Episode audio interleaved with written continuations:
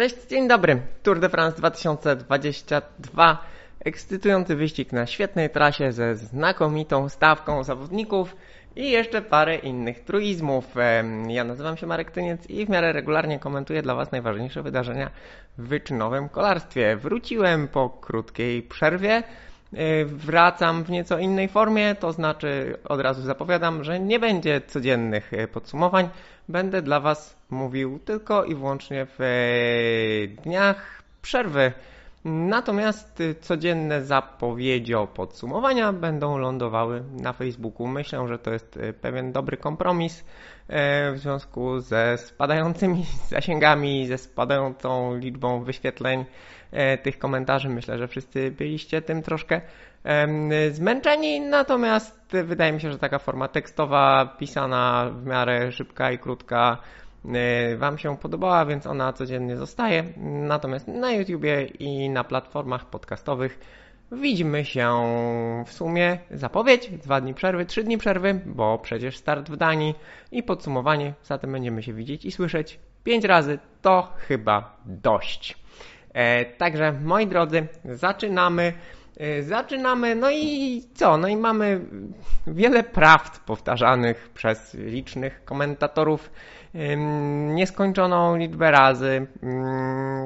Zatem co zrobić, żeby ta zapowiedź miała sens i żeby nie była bezsensownym e, generowaniem niepotrzebnego śladu węglowego?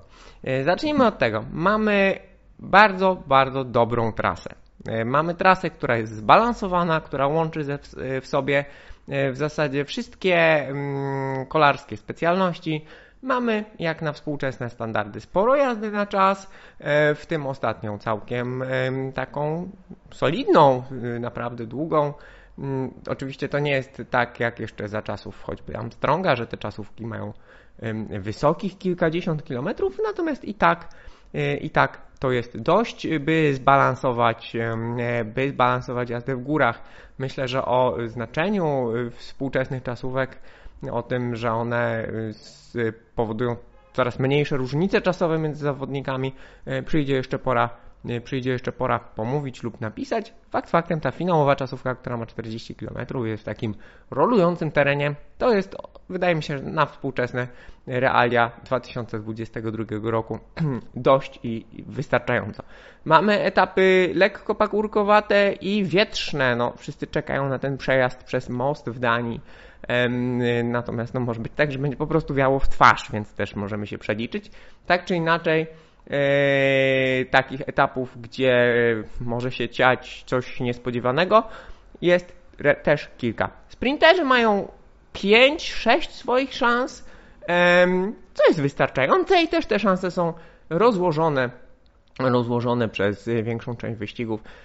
Mamy dużo gór, mamy dużo gór, mamy masyw centralny w środku, mamy fajne etapy w Pirenejach, mamy dobre etapy w Alpach, mamy wizytę w Szwajcarii, mamy wreszcie Alpe d'Huez, Alpe d'Huez, który jest chyba takim kluczowym, kulminacyjnym punktem E, w dzień Święta Narodowego Francji e, i Francuzów, e, ale tak naprawdę kluczowe jest to, że nie wiem czy wszyscy, ja czekam na Albius ze względu na to, że to jest ten najlepiej zmierzony, najbardziej taki wymierny test. No i to jak no nie ukrywajmy, no Tadej Pogaczar, jak pojedzie Tadej Pogaczar na d'Huez, w jaki uzyska tam czas, to jest y, rzecz równie intrygująca jak to, kto wygra żółtą koszulkę w domyśle Tadej Pogaczar i kto wygra zieloną koszulkę, bo może być tak, że rywalizacja o zieloną koszulkę będzie ciekawsza niż rywalizacja o koszulkę żółtą.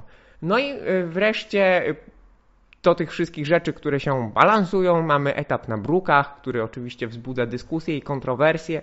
Y, czy, te, czy bruki w ogóle powinny być na Tour de France, albo czy tak trudne bruki powinny być na Tour de France. Y, no bo y, ten etap anonsowany jest jako szczególnie selektywny i odcinki brukowane są podobno tak trudne, jak jeszcze na turze trudnych, przynajmniej we współczesności bruków nie było. Zatem jest dla każdego coś miłego i coś ciekawego. Dla nas, dla kibiców i dla komentatorów najważniejsze jest to, że to jest naprawdę bardzo ciekawa, zrównoważona e, trasa, bez nudy, e, tak jak czasami jest tak, że różne trudności albo braki trudności są skumulowane. Tutaj w zasadzie co chwilę będzie coś innego, w związku z tym będziemy czekali na, na, etapy sprinterskie, bo będziemy ich spragnieni, będziemy czekali na etapy górzyste, będziemy czekali na to, co z tymi etapami górzystymi zrobią kolejne drużyny. No i teraz należy przejść dość płynnie do sytuacji, e, do, do listy startowej, czy też do faworytów. E, I tutaj chcę powiedzieć, że no, jedną z najgorszych rzeczy, które można mówić w takich sytuacjach, jest opowiadanie o tym, kogo mamy na liście startowej i kto ten ktoś mógłby zrobić, albo co oczekujemy, że on zrobi w danym terenie czy na danym etapie. Prawda jest taka, że faworyt jest jeden, jak sama nazwa wskazuje. Tutaj Tomasz Jaroński zawsze zwraca uwagę na to, że faworyt może być tylko jeden, bo taka jest definicja słownikowa.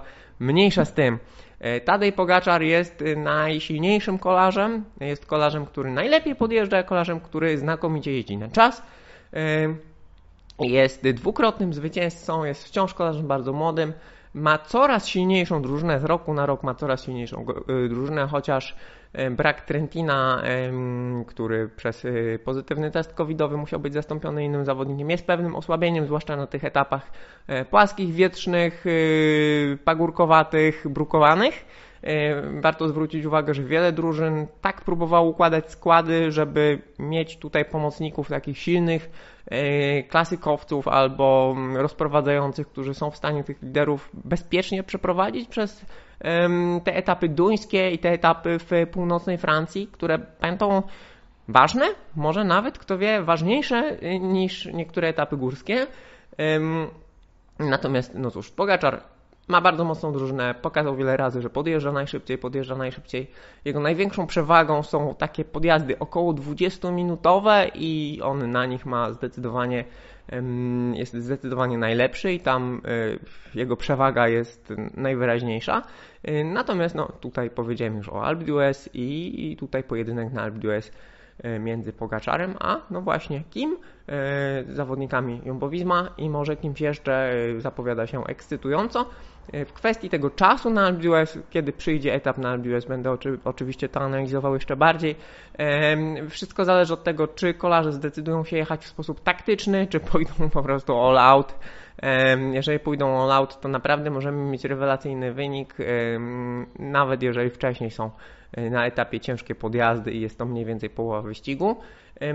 Natomiast, e, no cóż, rywale Pogaczara, rywale Pogaczara, Winegor i Roglic, E, nie wiadomo, który jest mocniejszy.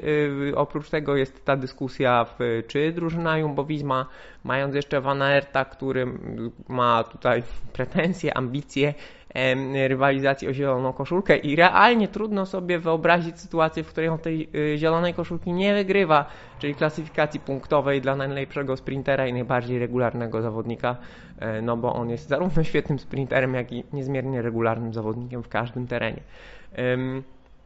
Dlaczego tutaj tak mówię o pewnych rzeczach dość wprost? E, no bo kolarstwo jest generalnie sportem bardzo wymiernym. Wielkie tury są bardzo wymierne. Oczywiście liczy się cała masa innych e, aspektów poza mocą, e, stosunkiem mocy do masy. No i mm, prawda jest taka, że tutaj ten stosunek mocy do masy i poprzednie jakby osiągnięcia na podjazdach od kilku do kilkudziesięciu minut pokazują, że Tadej Pogaczar y, ma przewagę nad innymi rywalami. Jest, mamy w peletonie Tour de France tylko dwóch, tylko dwóch zawodników, którzy pokazywali, że w miarę regularnie są w stanie jechać tempem Pogaczara, choć też nie zawsze. Jest to Primoz Roglic i Jonas Vingegaard, dwóch współliderów drużyny Jumbo-Visma.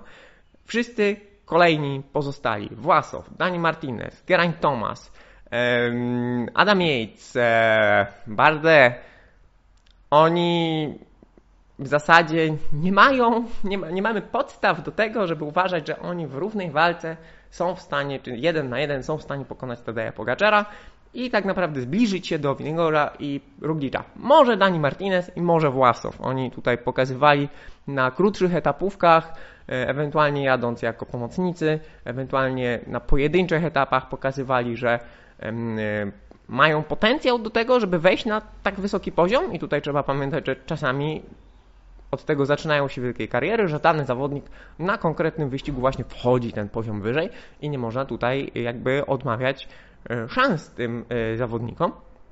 Tak się zdarza i wtedy mówimy o zaskoczeniu. Natomiast patrząc na wyniki poprzednie, no to tak nie jest.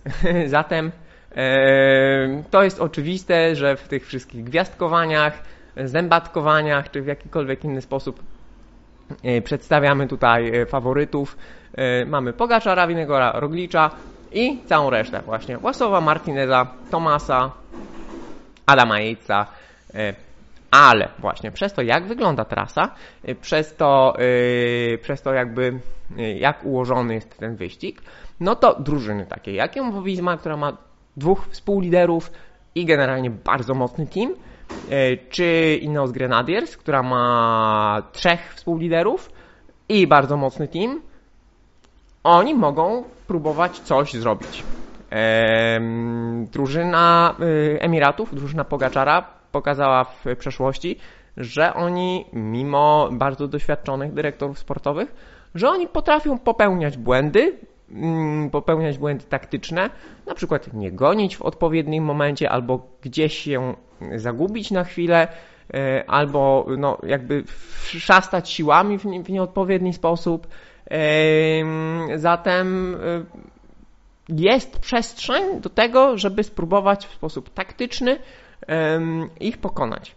E, na etapie na przykład nie wiem, w masywie centralnym, czy w Pirenejach, czy gdzieś na wietrze, mając dwóch współliderów, czy trzech współliderów. E, teoretycznie jest to możliwe, by siłą drużyny e, i odpowiednią taktyką pokonać e, Pogaczara i drużynę Emiratów. No i na to wszyscy liczą. Tylko słuchajcie, aby to się wydarzyło, musi być tak, że obaj czy wszyscy trzej, w zależności od drużyny, o, której mówimy, współliderzy muszą być naprawdę w topowej dyspozycji, a kiedy już uzyskają tę hipotetyczną przewagę, muszą również móc ją utrzymać w stosunku do, jakby na to nie patrzeć, bardzo mocnej drużyny e, Emiratów. No i Tadeja Pogaczara, który jest tutaj numerem jeden, najsilniejszym kolarzem. Tutaj warto wspomnieć, że jednym z kluczowych pomocników Tadeja Pogaczara jest Rafał Majka, który na wyścigu dookoła Słowenii razem z nim prezentował fenomenalną dyspozycję, być może jedną z lepszych w swojej karierze, zatem e, no, może być tak, że Rafał Majka tutaj i jego jazda przysporzy nam naprawdę e, wielu miłych, wielu miłych chwil. Więc jeżeli chodzi o klasyfikację generalną, no to mamy właściwie tyle.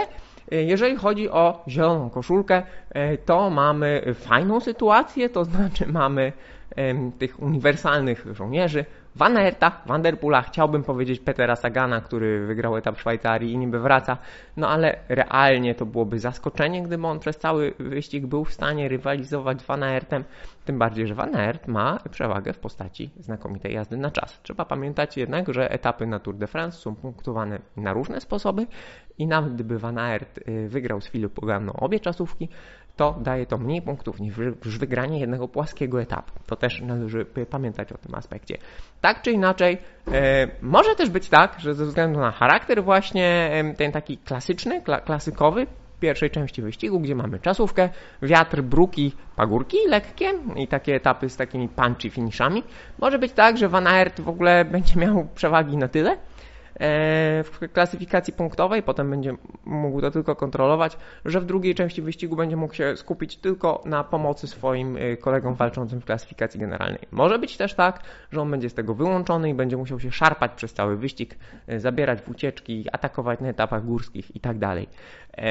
Tak jak powiedziałem, oprócz tego Vanderpool, no Sagan to jest takie wannabe, ale też bardzo dobrzy sprinterzy, których trudno być w tych warunkach wyścigu i jednak niewielkiej liczby etapów sprinterskich pewnych, czyli Caleb Ewan, e, pechowy i nerwowy, czyli Fabio Jakobsen, tutaj mieliśmy dramę e, w ekipie, e, w ekipie Quickstepu, czy Jakobsen, czy Cavendish, czy może obaj, ostatecznie idzie Cavendish.